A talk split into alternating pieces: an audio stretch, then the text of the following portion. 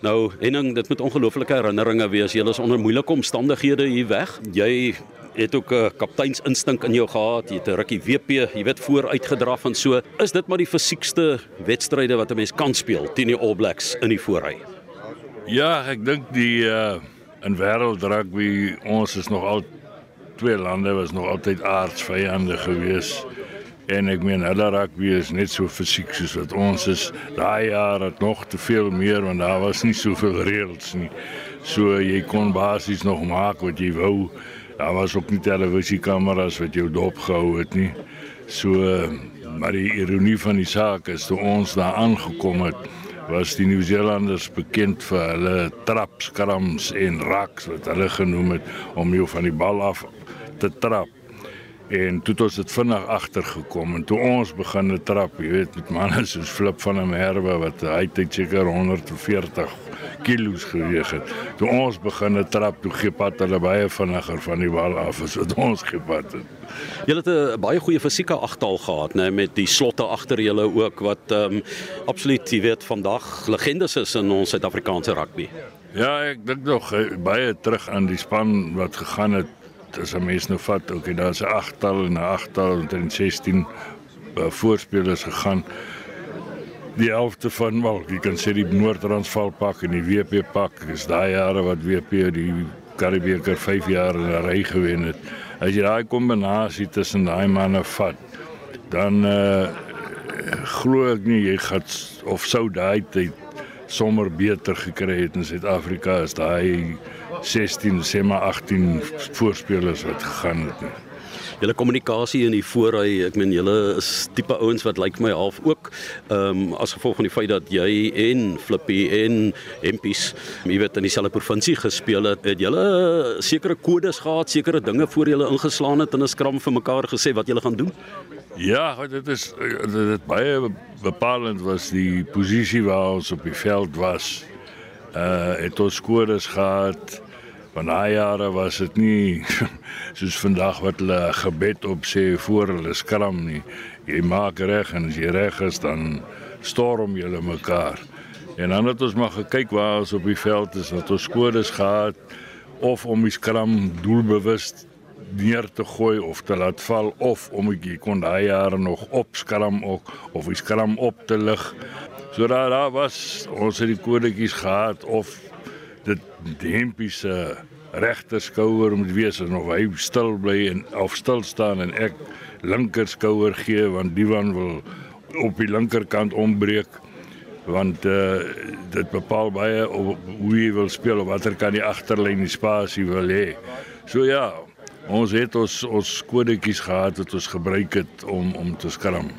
Dit was 'n absurde toetsreeks in Nieu-Seeland wat eintlik gelyk op ten minste moes gewees het maar wat die bokke ook kon wen maar as gevolg van Clive Norling die Walliese skeieregter die kans ontneem is 25-22 die All Blacks wat die derde en beslissende toets gewen het. Ehm um, dit was een elke na die stadium maar toe gebeur daar nog iets en dit is dat jy FSA toe gaan en daar gaan rugby speel en dit was nog meer absurd as Nieu-Seeland hè.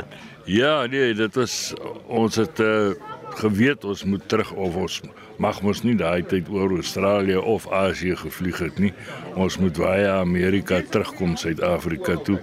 En toe die rugby raad het goed gedink om op ons terugkoms om rugby te bevorder in in die FSA om daar 2, 3 wedstryde te speel.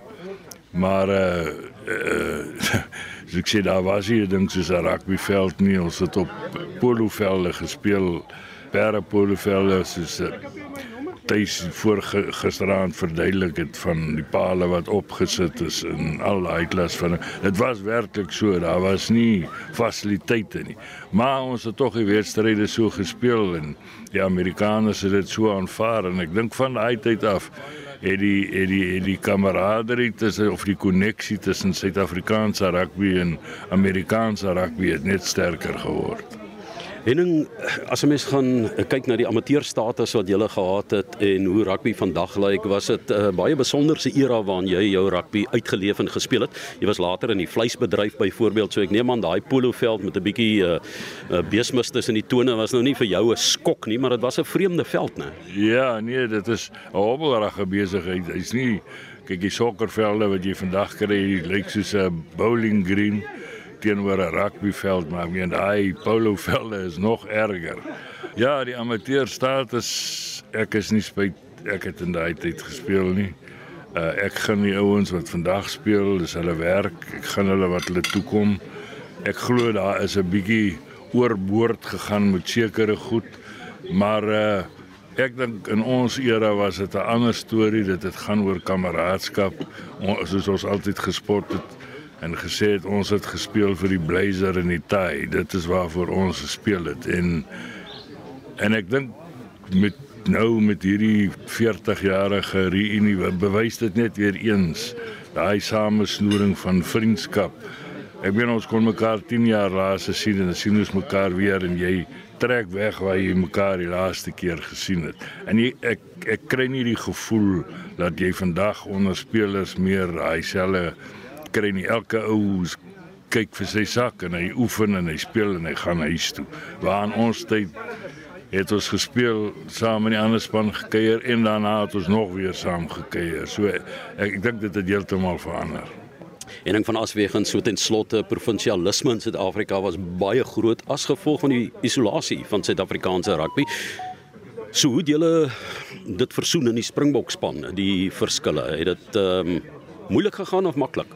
Nee, ek ek glo nog steeds met daai ek praat nou spesifiek van die 81 Springbok span omdat ons so 'n groot deel van die span ons al ons is eintlik helfte helfte.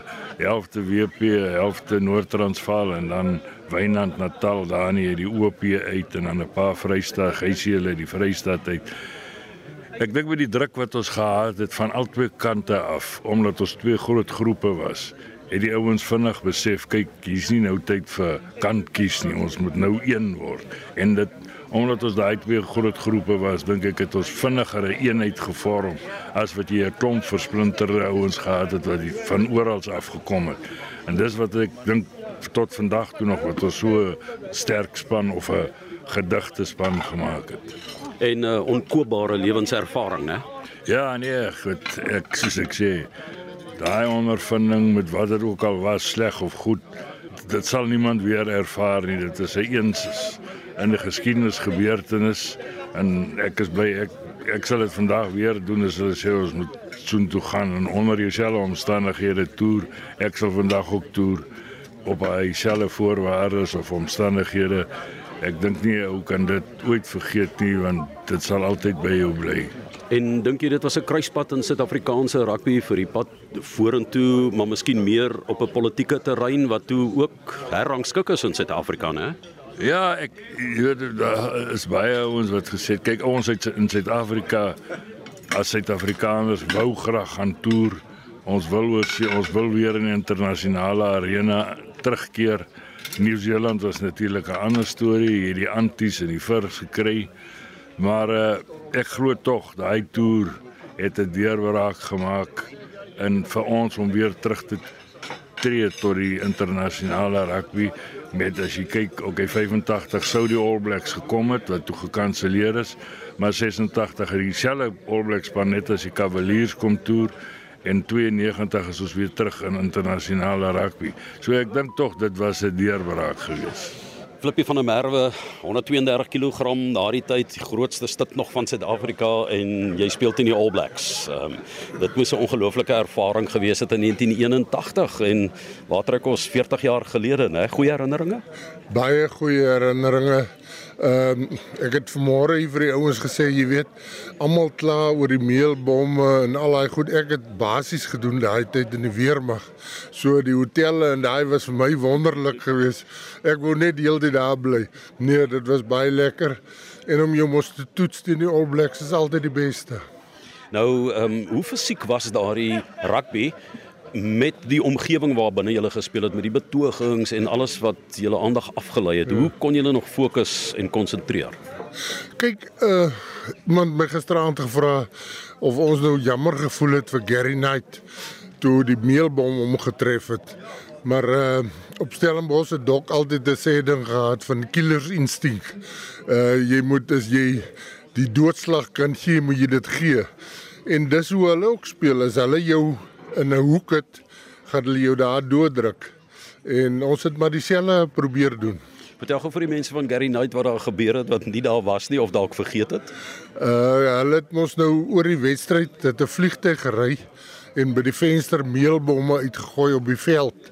Uh so kilogram uh bom uh, in 'n sakkie met meel en een van hulle het hom getref en hom uh bewusteloos gelaat val op die grond. Hulle het amper die wedstryd toe afgelas net as gevolg daarvan. Ja, ja, hulle het amper uh die wedstryd toe gestop en uh na rukkie het hulle die vliegtyg lyk my onder beheer gekry en toe het ons verder gespeel. En toe kom Gary Knight uh, met die Cavaliers na Suid-Afrika toe en daar val hy weer, maar die slag teen Gert Smal. Ja, dit was ongelukkig Gert het iets beduie vir een van die toeskouers en toe loop Gary Knight in sy face vas. Ek weet nou nie hoe sy hy sien seker nie mooi in die donker of iets nie. So hy het die meelbom en hy het Vataars in ontmoet in Suid-Afrika, maar kom ons gaan gou FSA toe. Hierdie bizarre Nieu-Seelandse 2 maande wat jy gehad het, wat wat ongelooflike herinneringe in julle geheuebank moet wees. Is toe nou verder voortgesit na die FSA. En ek verstaan wel, jy was nou in basies gewees soos jy sê in die weermag dat uh, jy verskriklik baie ontbyte genuttig het tydens julle vliegrit oor die tydsones heen. ja, dis die eerste ek hou mos nie van vlieg want jy weet ek is mos 'n klein fyn ouetjie. So ek sit baie gemaklik in 'n vliegtuig. Maar ek dink amper ons het 3 dae aan een gevlieg omdat mense nou nie wou gehad het ons moet land op plekke nie en as ons land mag ons nie afklim nie en so dit was 'n ondervinding geweest. En toe kom julle in die FSA aan en daar is dit nog amper meer absurd as wat julle in Nieu-Seeland beleef het in terme van die toetswedstryd. Vertel vir ons daai gebeure. Ja. Ja, die toets ehm um, ons as spelers het self ook nie geweet of ons gaan speel of nie speel nie. Hulle toe nou ehm um, ons wat nou in die span sou wees het hulle eenkant gehou in die hotel en uh, ek kan nie meer onthou hoe vroeg was dit die môre nie het ons kom wakker maak en gesê kom uh, net soos jy is in klim in 'n uh, voertuig en toe ons daar gery na Poloveld toe en daar het ons sommer in die stalle aangetrek en voorberei vir die uh, wedstryd. Nou ja, pure plaas. Hier is mos 'n ja, plaas. Ja, dit, dit ek is gemaklik geweest daar. Dis ook die toetswedstryd wat amptelik die minste bywoning gehad het van 30 toeskouers, né? Ek was daar soveel. Ek ek onthou net vir tuis wat die vlag gedra het. maar moes hy nie ook toe gaan speel nie? Ja, later het hy toe gespeel het Gys die vlag gedra, maar Gys het ons baie verneek. Hy kan nie hy kan nie mooi skat waar as die bal uit. Jy weet mos die hele agterse moeilikheid. nou sê gou vir my die uh, opdraand en afdraand speel. Hoe dit nou vir jou beïnvloed want jy was nou die swaarste speler op die ja. veld. Kyk man, ek kom van Sailsrus. Het ons daar ook al gespeel. En daai veld loop teen die duin op. So jy moet jou spaar as jy afdraand speel vir die opdraande. So uh, dit my nie te erg invloed nie. En die vreemde rugbypale met die een steeltjie. Ja.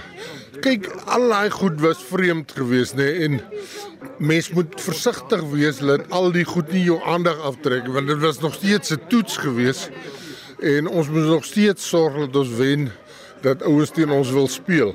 So die staaksigheid was daar 'n kort rukkie verby toe die wedstryd begin, want toe moes ons konsentreer om uh, sukses daarvan te maak. Flippie, dit was ook die eerste tree na normalisering in Suid-Afrikaanse rugby, groot oorgange, Suid-Afrika wat verander het. Jou seun het later voortreffelike rugby gespeel, Flip. Wat het jy vir hom gesê? Wat het jy geleer uit daai omgewing wat hulle as jonger spelers kon toepas? Kyk, ek het vir hom gesê Daar's net een ding wat 'n mens in die lewe moet leer en dit het ek op Nieu-Seeland geleer. Daar gebeur baie goed om jou en as jy nie 'n doel het nie in die lewe nie, dan trek al daai goed jou aandag af. So kry jy 'n doel in die lewe en mik op daai doel en vergeet vir al die soos ons in mooi Afrikaans sê side shows langs die pad. Wie was jou roomie? Dif, Dif Visser. Uh hulle het ons die Sondagskool squad genoem want ons is baie oordentlik geweest.